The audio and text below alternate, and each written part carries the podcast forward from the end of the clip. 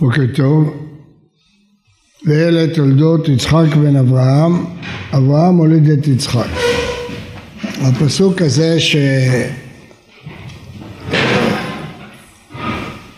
אומר דורשני, אלה תולדות יצחק בן אברהם, אברהם הוליד את יצחק. כוונתו אה, להעביר את השרביט של הקמת בית השם מאברהם ליצחק. למרות שראינו שלאברהם היו בנים אחרים, ישמעאל ובני כתובה, בכל אופן הפסוק אומר אברהם הוליד את יצחק. בעצם הממשיך של בית אברהם שעליו התייחס הקדוש ברוך הוא בברכות שלו הוא יצחק לא ישמעאל ולא אחד מבני כתובה אברהם הוליד את יצחק. לא הוליד תשעה בנים וביניהם יצחק. אברהם הוליד את יצחק. זה הבן האולטימטיבי זה הבן של אברהם. אברהם הוליד את יצחק.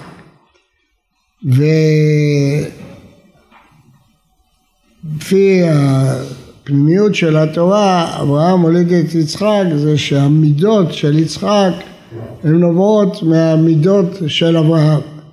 מהחסד של אברהם מגיעים לפחד יצחק, לגבורה של יצחק. אברהם הוליד את יצחק. כיוון שהתורה מעידה שיצחק הוא הממשיך, אז היא צריכה להראות לנו שהוא באמת זכה בברכות שהובטחו לאברהם. הברכות שהובטחו לאברהם הן שלוש ברכות. הזרע, הארץ, ונברחו בך כל משפחות האדמה. שנראית לנו היום כמו ברכה דמיונית, אבל זה מה שאברהם התברך, שיהיו לו בנים, שהוא ינחל את הארץ, ושאומות העולם יתברכו בו, נברחו בך כל משפחות האדמה. ראינו שזה התקיים באברהם, ראינו שהקדוש ברוך הוא הנחיל לאברהם את הארץ במלחמה, בהתיישבות, בכסף.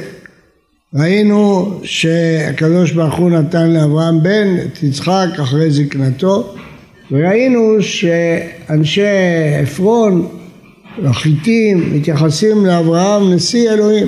נשיא אלוהים אתה בתוכנו. אדם זר בא מארץ זרה.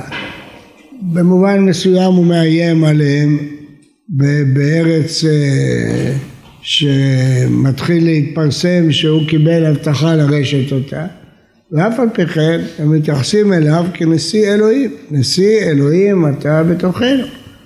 וגם מלך שלם כשהוא מנצח במלחמה מקבל אותו בברכה.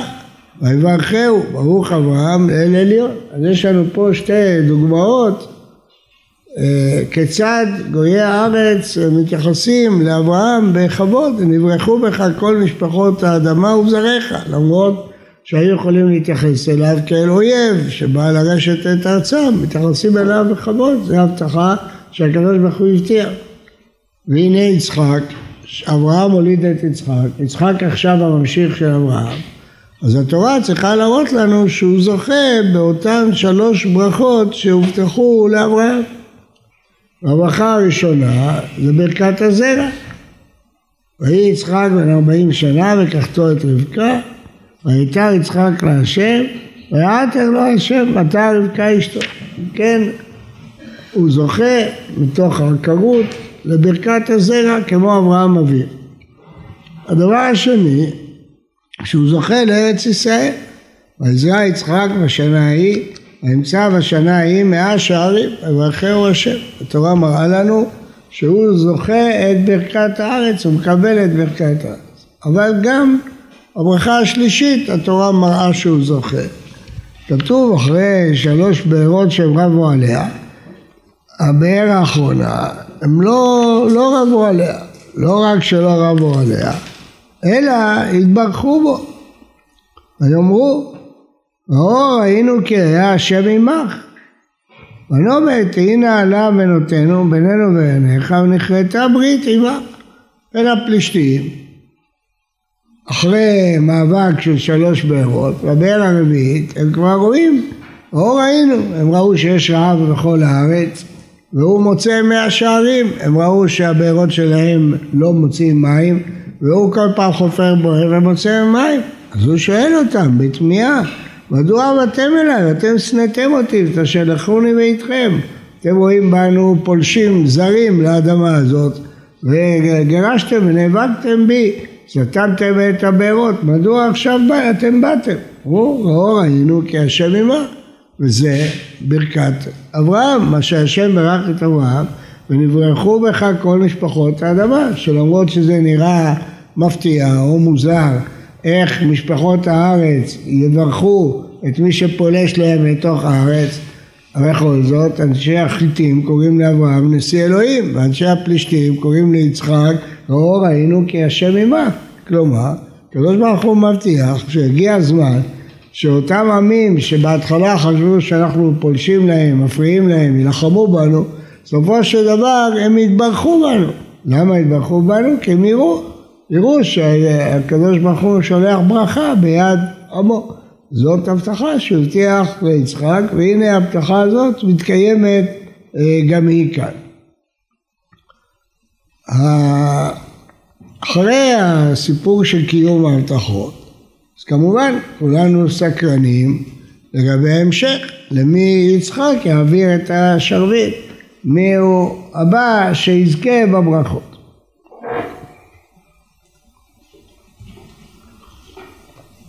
ואז מופיעה לנו פרשה קטנה שנראית קצת מוזרה במקומה אבל אחרי שאנחנו יודעים את כל הפרשה ואת כל ההיסטוריה אז היא לא מוזרה רבקה מרגישה בעיות בהיריון, רוצצו הבנים בקרבה.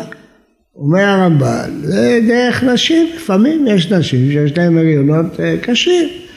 אז uh, הציפיות שלה הייתה ללכת לנביא שיברך אותה, כמו שאישה בהיריון שיש לה כאבים, קשיים, הולכת לצדיק, לרב, שיברך אותה. אז היא הלכה ותלך לדרוש את השם.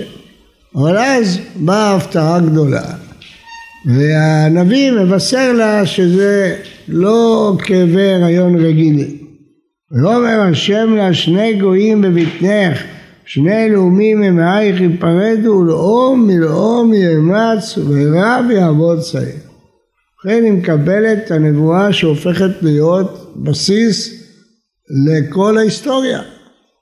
אומר לה השם יש לך שני לאומים בבטן שלך והם רבים לאום מלאום יאמץ, הם רבים, מתרוצצים, כל אחד רוצה להתגבר על השני.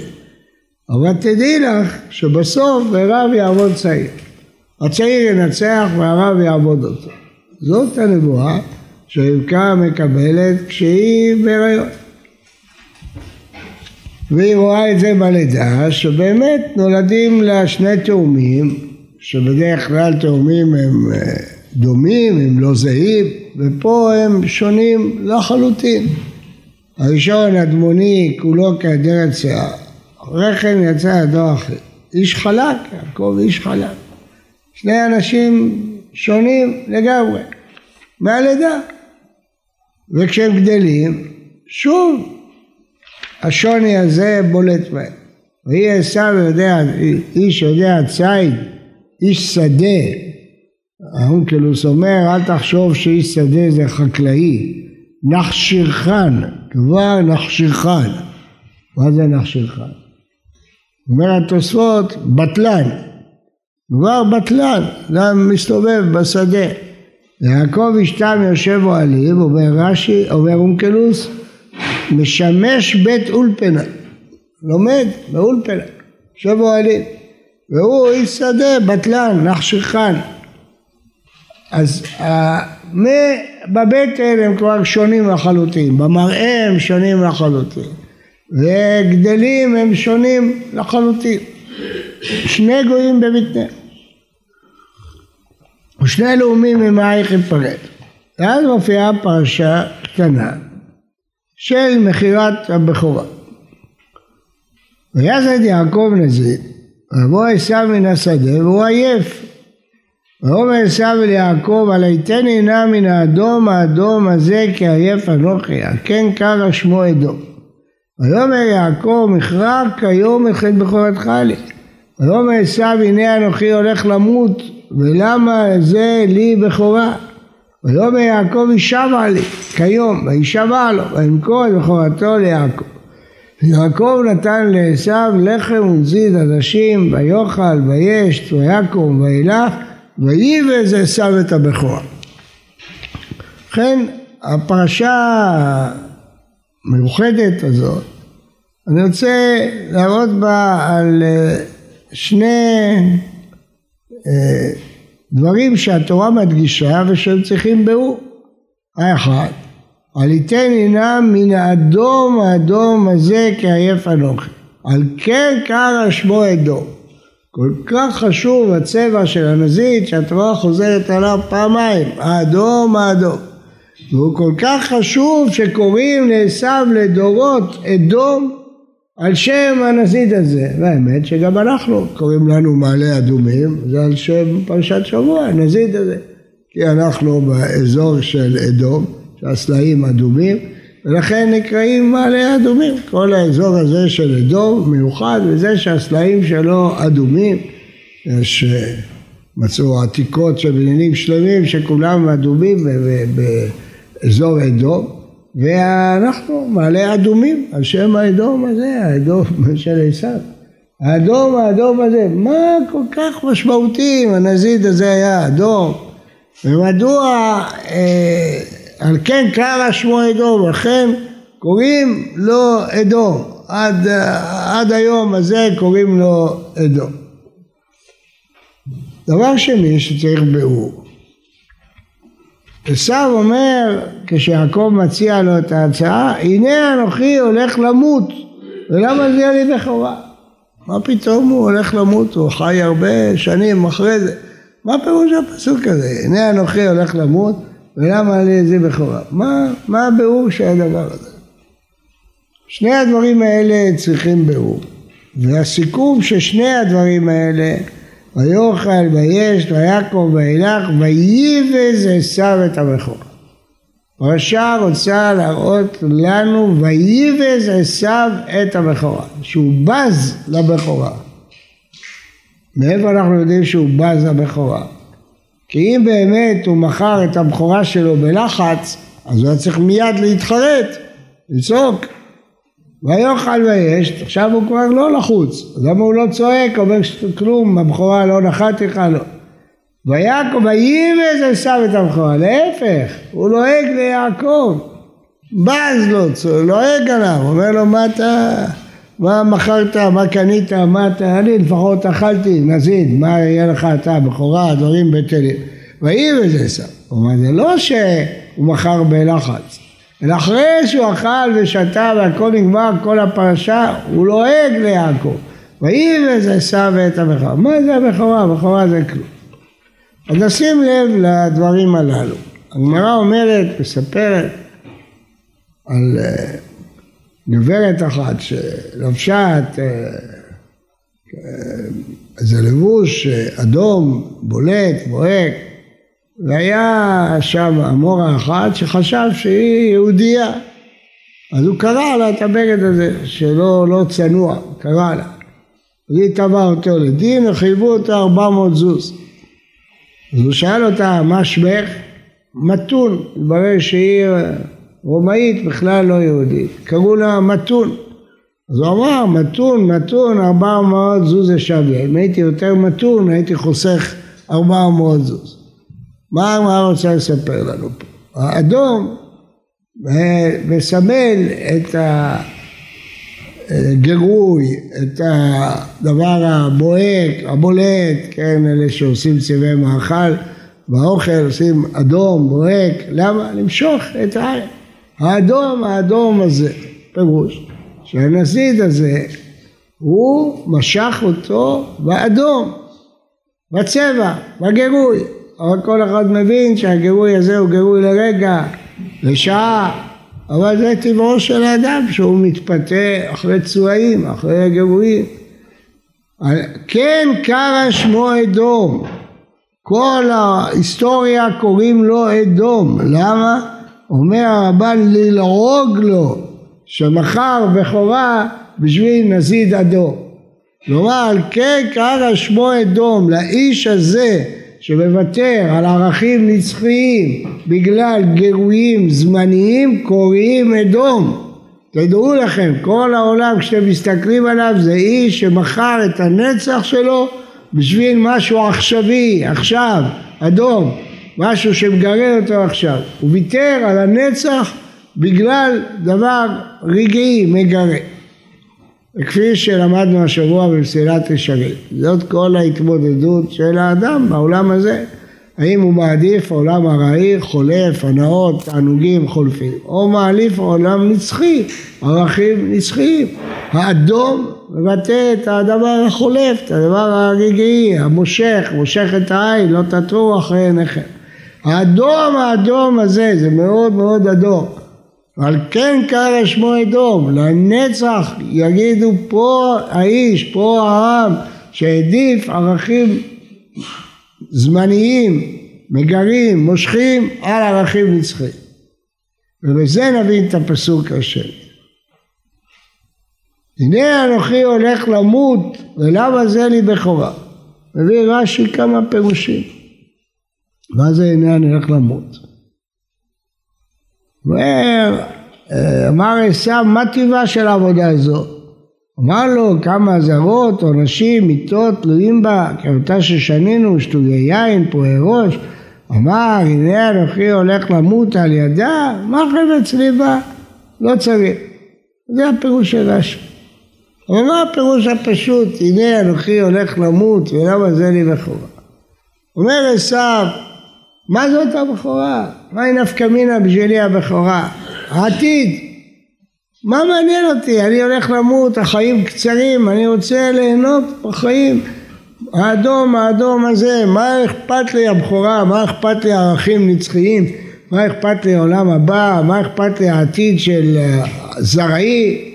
הולך למות, החיים שלי קצובים, קצרים, אני רוצה ליהנות מהם, איש שדה, כמה שיותר, נחשכן, בטלן, מה אני צריך להשקיע ויושב אוהלים? אני, אכפת לי מה יהיה, אני הולך למות, החיים שלי קצובים, זמנים, אני רוצה ליהנות מהם מהדור, מהדור הזה. למה אני בכורה? מה אני צריך ערכים נצחיים, בכורה, מי יהיה זרעו של אברהם? מה אכפת לי? אני הולך למות, זה לא מעניין אותי כל הדברים האלה.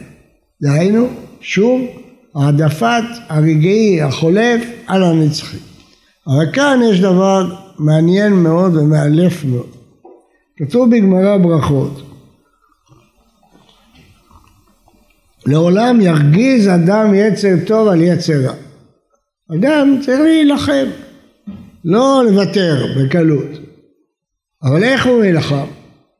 אי אפשר להילחם ביצר רע, זה קשה מאוד. אפשר להגביר את היצר הטוב, לעשות יותר מעשים טובים, ואז היצר הטוב יילחם עם יצר רע. לעולם ירגיז אדם יצר טוב על יצר רע. מעט מן האור דוחה הרבה מהחושך. אם אדם יש לו בעיה עם יצר רע, שיעזוב אותו, שיגביר טוב. אם הוא יגביר טוב, יגביר תורה, יגביר תפילה, יגביר גמילות חסדים, זה כבר יילחם עם יצר רע, זה כוונת הגמרא. לא כתוב לעולם יתרגז אדם על יצר רע. כתוב לעולם ירגיז אדם את יצר הטוב על יצר. אם ניצחו מותר, ואם לאו, לעסוק בתורה. אם ניצחו מוטב, אם לאו יקרא קריאת שמע. אם ניצחו מוטב, ואם לאו יזכור לו יום המיטה. שנאמר, אם ריגזו ואל תחטאו, אמרו בלבבכם זה תורה, על משכבכם זה קריאת שמע, ודומו סלע, זה יום המיטה. אז זה עצה. אז למה לא ניתן את העצה הזאת בהתחלה? אמרנו כבר הרבה פעמים. התורה לא רוצה שאדם יחיה בדיכאון. גם צריך לחיות ולאהוב את החיים ולשמוח בחיים. ויש לו עוד שלוש תרופות גדולות לפני יום המיטה, יש לו לימוד תורה כמה שנים, לימוד אמונה כמה שנים, ולהרגיש יצר טוב, לעסוק בטוב, יש לו הרבה מה לעשות. אם שום דבר לא הצליח, אז בא קהלת ומזכיר לו את יום המיטה. אז זה יצליח, זה יעבוד. והנה אנחנו רואים שהתרופה הזאת שהיא לכאורה תרופה מנצחת, שאנחנו לא מרבים להשתמש בה רק ברגע האחרון, אבל היא מנצחת, היא אומרת לאדם שהחיים הם זמניים, הם חולפים. אתה צריך לחשוב על חיי הנצח, תזכיר לו יום המיטה. והנה אנחנו רואים דבר מעניין מאוד, שאותו דבר שהופך להיות תוכחת מוסר אצל בני אדם, לרשעים זה בדיוק ההפך. הוא נזכר ביום המיטה, ומה הוא מסיק? מסקנה הפוכה. הנה אנוכי הולך למות, ולמה זה לי בכורה? במקום להגיד הנה אנוכי הולך למות, אז מה אכפת לי נזיד אדום או לא אדום, ואם אני אוכל רק לחם, בלי נזיד, מה אכפת לי? הרי החיים האלה חולפים, אני רוצה את חיי הנצח שלי. במקום זה הוא מסיק מסקנה הפוכה, הנה אנוכי הולך למות, אז מילא החיים הם קצרים, זמניים, אני צריך ליהנות בהם כמה שיותר. אתם תשמעו את זה מהאנשים, בדיוק ההפך מאותה המחשבה שהגמרא בברכות ציפתה שהוא יגיע אליה. באמת שזה פסוק מפורש. הנביא אומר שהרשעים יורים אכול ושתו כי מחר נמות. אנחנו בין כך הולכים למות אז בואו נאכל, נשתה, נעשה בסיבות, נשתכר, בין כך הולכים למות אז בוא ננצל את החיים לתענוגים כמה שיותר. אז אותה מחשבה שהגמרא בברכות מצפה שהיא תהיה המחשבה המנצחת כי אם אתה הולך למות בעולם הזה ארעי אז אתה מבין שהתענוגים האדום והנזיד הם דברים חולפים, ארעיים, זמניים ואתה צריך לחשוב על החיי הנצח. אבל האדם הבזוי, ויהי וזלזב את הבכורה, הוא חושב הפוך. הוא אומר בין כך הוא הולך למות למה זה לי בכורה? מה אני צריך חיי נצח בין כך החיים חולפים, אני רוצה ליהנות מהחיים האלה, תן לי נזיד אדום, ואמכור את מכורתו. אומר הרמב"ן, שלנצח ילעגו לאיש הזה, הכן קרא שמו אדום, הנה תראו את האיש שבשביל צלחת של נזיד עדשים אדום מכר את הבכורה. תראו, יראה ללעג ולקלס בפני הבריאה. והדבר הזה הוא ממש פה עומד להיות יסודי. מה אדם שם לליבו כתוצאה מזה שהחיים הם חולפים. האם התוצאה מזה שלכן אני צריך להשקיע בחיים נצחיים ולא לשים לב לדברים הרעים או ההפך, לכן אני צריך למצות את תענוגות הגוף כמה שיותר. באותו דבר עצמו מגיעים לשתי מסקנות סותרות. וזהו, נחשיכן. זה אשתם יושב אוהלים, זה נחשיכן. הוא טבע אולפן, מעניין אותו העתיד, ובשביל מה הוא לומד? הוא לומד בשביל העתיד, הוא אומר עזוב אותי, יש שד שדה, אמצא איזה חיה, נצוד אותה, נאכל אותה, מה אכפת לי מה יהיה בעתיד, זה כבר לא מעניין, מכשיר חן, זה בטלן, לא מעניין אותו להשקיע בעתיד. והדבר הזה הוא הבסיס שהתורה מראה לנו כדי להבין למה באמת יעקב הוא הממשיך ולא עשיו, לא כי הוא מכר את המקורה כי הוא היה מוכן למכור את המכירה. יכול להיות שהמכירה הזאת לא תוקפת ואין לה כלום בדיני תורה. אבל מה שתוקף זה ויהי וזה סף. זה שהיית מוכן למכור בכורה בעד עזיז עדשים, סימן שלא מגיע לך להיות הממשיך של בית אברהם. אמרנו אלה תולדות יצחק בן אברהם אברהם הוליד את יצחק. הוא מעביר אליו את השרביט, לא ישמעאל ולא בני כתובה. ויצחק צריך להעביר את השרביט הלאה. התורה אומרת לנו יש פה מאבק מהבטן, אבל התורה אומרת אני אראה לכם מי מגיע לו ומי לא מגיע לו. מי שבז לחיי נצח בגלל דבר אדום אדום לא מגיע לו הבכורה, הוא מכשירכן, הוא מפסיד את הבכורה. ואפשר לראות את זה מעוד מילה אחת. יעקב בא מן השדה והוא עייף אומר רש"י, עייף, רש"י אתם יודעים ששנא את עשיו, דיבר עליו תמיד דברים רעים. הוא קיים בזה גמרא, הגמרא אומרת שרשע צריך לדון אותו לכף חובה. אז רש"י אומר על העייף הזה, עבודה זרה, גילוי עריות, שפיכות דמים, היה עייף, עייף, מאיפה רש"י יודע את זה? כמו עייפה נפשי להורגים, רציחה, החז"ל מוסיפים עוד עבירות. מה כתוב בסך הכל? שהוא עייף. איפה רש"י מעייף, הפך אותו לרוצח, ול... כתוב עייף, הוא בא לשדה, הוא בא עייף, מה יש? לא, יש הרבה. אדם שהוא יושב אוהלים הוא לא עייף, הוא לא עייף, אדם בטלן הוא תמיד עייף. תראו תלמידים שיושבים חמוצים ולומדים כל היום הם לא עייפים. תראו כאלה שנפלטו מהלימודים, לא רוצים ללמוד, מסתובבים, כל היום הם עייפים. וישנים כל היום וכל היום עייפים. העייפות לא באה מהטרחה, העייפות באה מהבטלנות. איש בטלן, נחשיך, הוא עייף, עייף אנוכי, כל היום הוא עייף, אין לו מטרה בחיים, אין לו לאן, הוא צועק. לא החריצות גורמת לעייפות, לא העמל גורם לעייפות. אדם יכול לעמול כל היום ולהיות רגוע ומלא כוח ומלא מרץ. כן, החליף הוא כוח, איפה הכוח? לקחו אותו מהרשעים, הרשעים נהיו עייפים והתלמידי חכמים מחליפים להם את הכוח. הם מלאים כוח, למרות שהם לומדים ביום, בלילה, הם מלאים כוח. אבל הבטלנים כל הזמן מסתובבים מנומנמים, עייפים, משנים. עייף, הוא בא מן השדה והוא עייף. העייפות הזאת היא לא עייפות שאדם אה, נח מיגיע עמל כפיו, הוא עייף מהאורח חיים שלו, האורח החיים העייף שלו, שהוא גורם לאדם שאין לו מרץ, אין לו כוח, אין לו יכולת.